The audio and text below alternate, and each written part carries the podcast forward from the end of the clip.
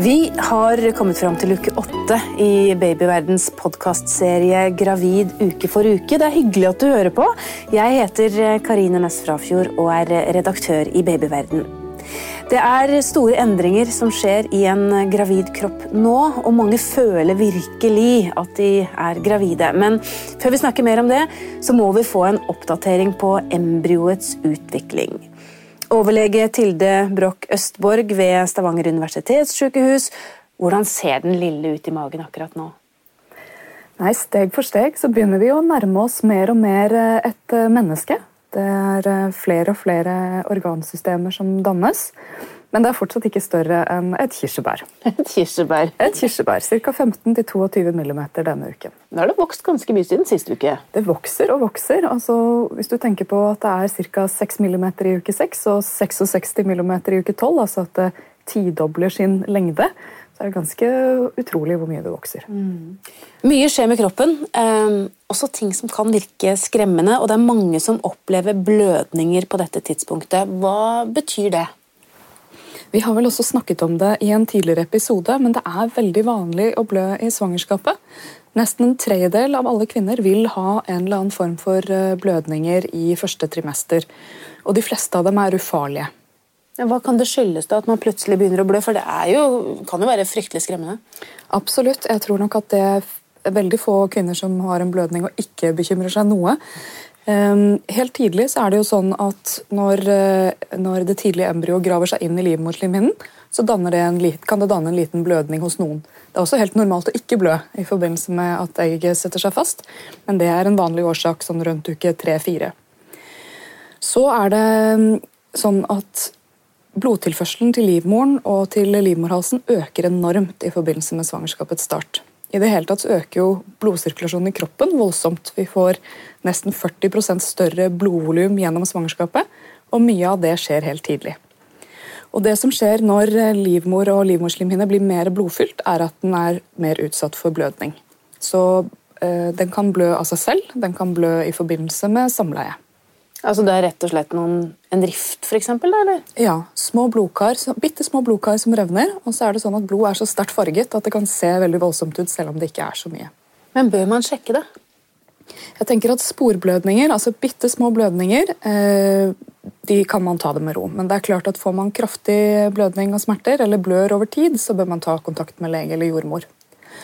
Og så har jeg ett forbehold, og det er at eh, dersom du har passert 25 år, eh, og du ikke har fulgt eh, dine livmorhalskontroller, så skal du være litt obs hvis du har småblødninger i svangerskapet. Fordi Har du tatt testene dine, så er det lite sannsynlig at du har noen celleforandringer, men disse kan utvikle seg i svangerskapet. Så har du ikke testet deg og har langvarige blødninger, så er det absolutt noe man må, må, ta med i betraktningen. Men disse undersøkelsene som du nå refererer til som kvinner eh, bør ta, eh, kan du forklare litt hva det er? Mm.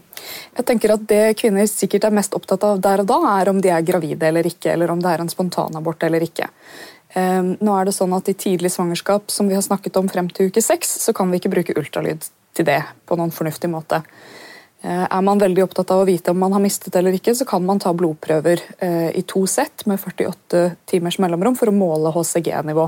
Og Det kan si noe om svangerskapet fortsatt utvikler seg eller ikke.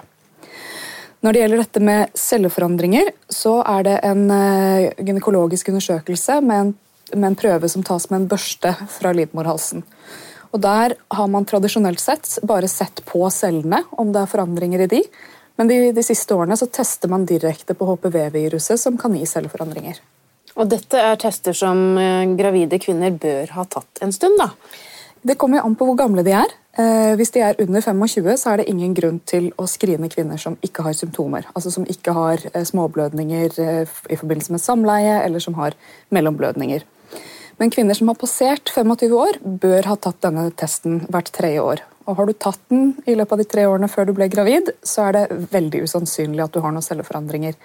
Men har du hoppet over tester i mange år eh, og begynner å få småblødninger, så er det noe man må ta med i betraktningen når man vurderer småblødninger.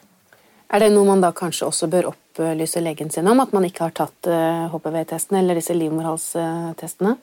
Hvis man har småblødninger i svangerskapet, så tenker jeg at det absolutt er relevant informasjon. Men hvis man ikke har småblødninger, skal man likevel ta testen da? Nei, det tenker jeg ikke. Da kan man heller avvente til man er ferdig med graviditeten. Mm. Nå har vi snakket om de eh, blødningene som kanskje er ufarlige, eh, og som man ikke nødvendigvis trenger å sjekke. Men når begynner det å bli farlig da, hvis man blør i svangerskapet? Altså, det er um, I forbindelse med spontanabort så er det sjelden at man får noen farlig blødning, men det er klart at det kan forekomme. Dersom de to tingene som på en måte kan være farlig i forbindelse med blødning, det er jo en, en spontanabort som blør kraftig. For Hvis man må skifte nattbind mer enn hver annen time, så regner vi det som en kraftig blødning. og Da bør man absolutt søke lege samme dag. Eller hvis man har en blødning som gjør at man blir svimmel, uvel, får besvimelsestendens, så bør man også snakke med lege samme dag. Mm. Andre ting er svangerskap utenfor livmoren, som vi ikke har snakket noe særlig om. Det pleier ikke å blø så mye. Det kan spotte litt, men det gir eh, smerter som ofte er, sitter på én av sidene av livmoren. Det ligner ikke egentlig på menssmerter, som en spontanabort gjør, men sitter mer mot en av sidene eller i hele magen. Mm. Så jeg tenker at uh, Som en tommelfingerregel, da, hvis man har smerter eller hvis det blør mye, så bør man ta kontakt med lege. Men hvis man har små blødninger, så trenger det ikke å være farlig. Da kan man heller slappe av litt. Ja, så lenge det gir seg. Eh, men igjen, har man småblødninger hele veien, og man ikke har tatt noen celleprøve de siste tre år, så bør man få sjekket det. Heldigvis så går det som oftest bra, men kroppen går gjennom store endringer nå, og du kan altså merke både plager og vondter. Jordmor Anette Gen Mikkelsen skal fortelle mer om dette etter pausen.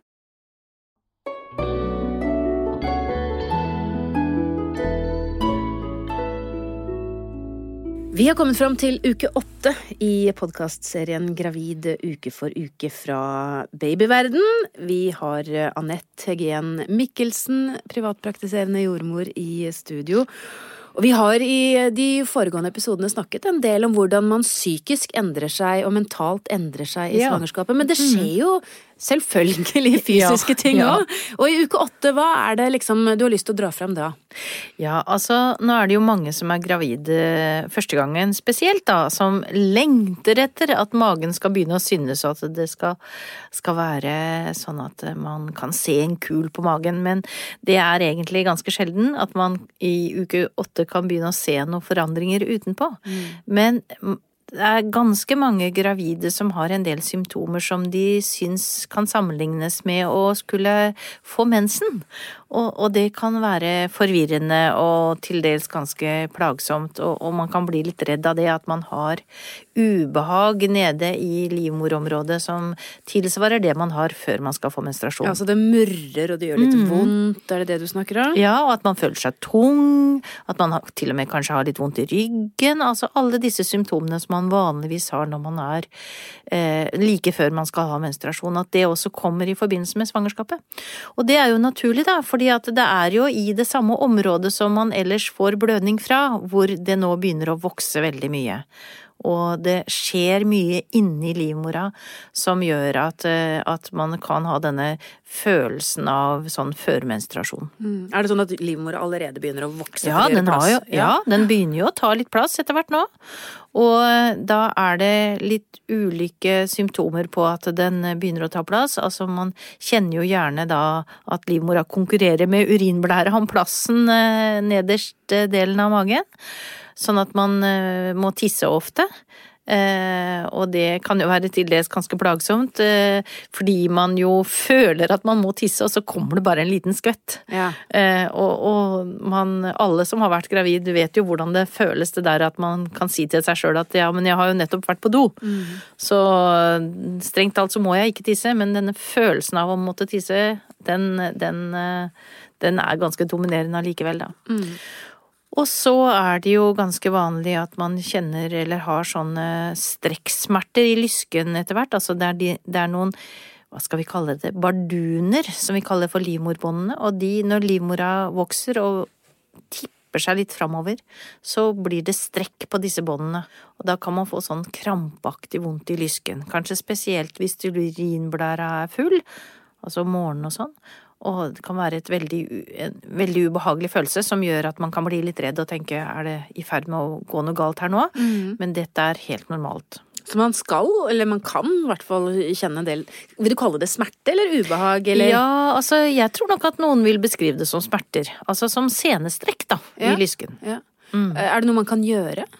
Ja, altså vanligvis så er det jo sånn at eh, man kan bruke varme ja, hva skal jeg si, altså en varm dusj eller eh, eh, var, noen type varmepute eller annet på området pleier å hjelpe. Ja. Eh, så hjelper det jo å gå og tisse, fordi at da får livmora bedre plass. Selv om det ikke kommer noe, kanskje? Ja, ja, ikke sant? Men man skal ikke slutte å drikke. Nei, nei, det er et viktig poeng, altså. Ja, fordi at eh, hvis man eh, slutter å drikke, så går jo kroppen litt i stå som følge av det. Så man må nok heller prøve å drikke det man skal, ja. Ja. Mm, og så eller heller ja, legge inn sånne tissestopp rundt omkring, da. Ja, ja, ja. Og det er vel sånn, altså man får bare, sånn er det bare. Ikke? Ja, sånn er det Man må bare. bare og det gir seg litt etter hvert som livmora vokser og kommer mer opp fra urinblæra, altså høyere opp i, i, inne i kroppen, inne i magen, så, så vil jo dette gi seg litt. Dette trykket på blæra. Men når babyen tar plass, det, det er ikke sånn at man eh, På slutten igjen er Ja, det jo okay. det samme problemet igjen, Ja, kan du si. riktig. Så det er liksom på begynnelsen, og så får du en liten pause, og så, så er det på'n igjen. Mm. Men du sa et eller annet om at eh, det fester seg i ryggen. Altså det med ryggproblemer er det noe mange gravide sliter med, spesielt ettersom man vokser. Men er Mm. det noe man kan kjenne tidlig også, eller? Ja, man kan jo det. Altså, og da mer sånn som menstruasjonsaktig vondt Ja. i ryggen Ja. eh, bak. Og det er ikke farlig. Eh, men det er klart at eh, vi, vi er jo oppmerksom på at man er inne i en fase hvor man kan være litt engstelig for at det skal gå galt, så klart.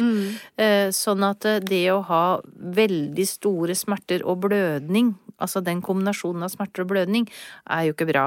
Men det å ha litt blødning, som vi pleier å si, det er ofte ikke forbundet med noen fare. Eller på den annen side, litt vondt gjør heller ikke så, er ikke heller så veldig farlig.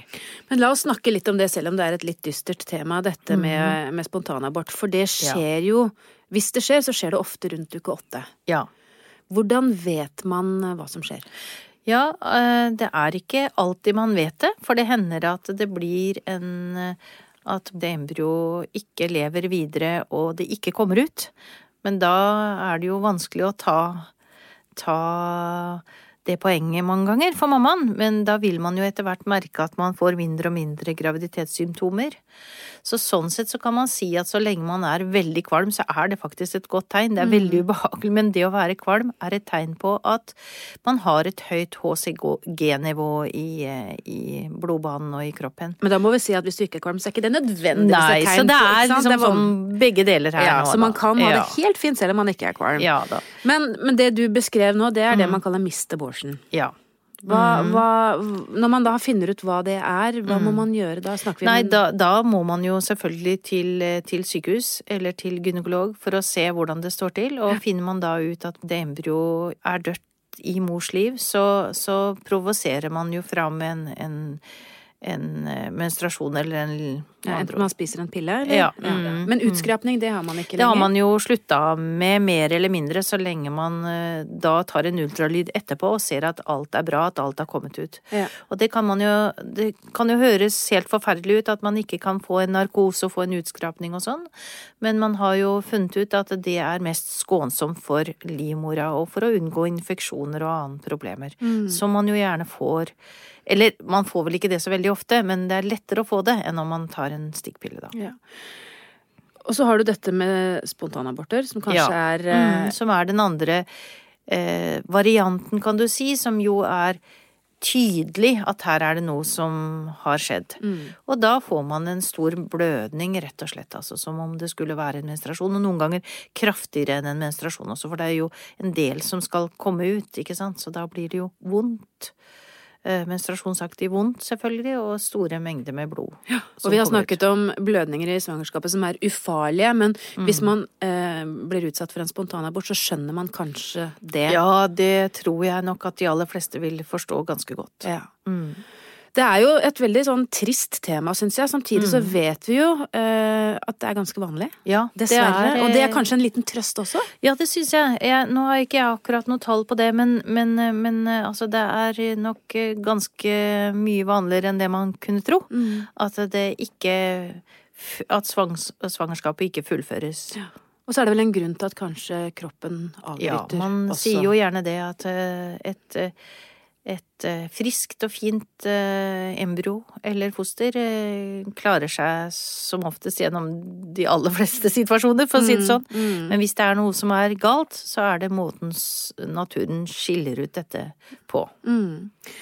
Men tilbake til da det, den fysiske plagene da, som Mm. man kan oppleve rundt uh, uke åtte, så er det ingen av de andre du beskrev som er noe farlig av noen slag. Det at man får noen smerter i lysken, og det at man får litt uh, Menstruasjonsaktig vondt, Ja, ja. ikke sant. Mm. Eh, jeg tenker tilbake på det. Er, det. er det noe man kan ta smertestillende for, eller bør man ta smertestillende i det hele tatt når man er gravid? Jeg tenker at aller helst ikke. Ja. Eh, hvis man kan la være å tenke at eh, dette er en type smerte som er naturlig og som jeg tåler greit, så syns jeg jo at det er eh, best å la være, for å si det sånn. Men ellers så kan man jo konferere med lege eller jordmor om om man kan ta en Paracet eller noe lignende. Det er klart, det er vel ingen som sier annet enn at man kan ta noe smertestillende, men man bør unngå det i det lengste, tenker jeg da. Og så greit å, som du sier, eh, konferere med, Ja. med helsepersonell, bare for å være helt på den sikre sikre siden. Mm. Eller ringe sykehus også, selvfølgelig, kan man jo gjøre. Mm. Det var et eh, godt råd. Takk skal du ha, Anette Heggen Mikkelsen, som er eh, privatpraktiserende jordmor. Hvis du vil ha mer og troverdig informasjon om graviditet og småbarnstid, finner du mange tusen artikler på babyverden.no. Last gjerne ned appen vår Gravid og barn, så kan du følge din babys utvikling uke for uke, både før og etter fødsel.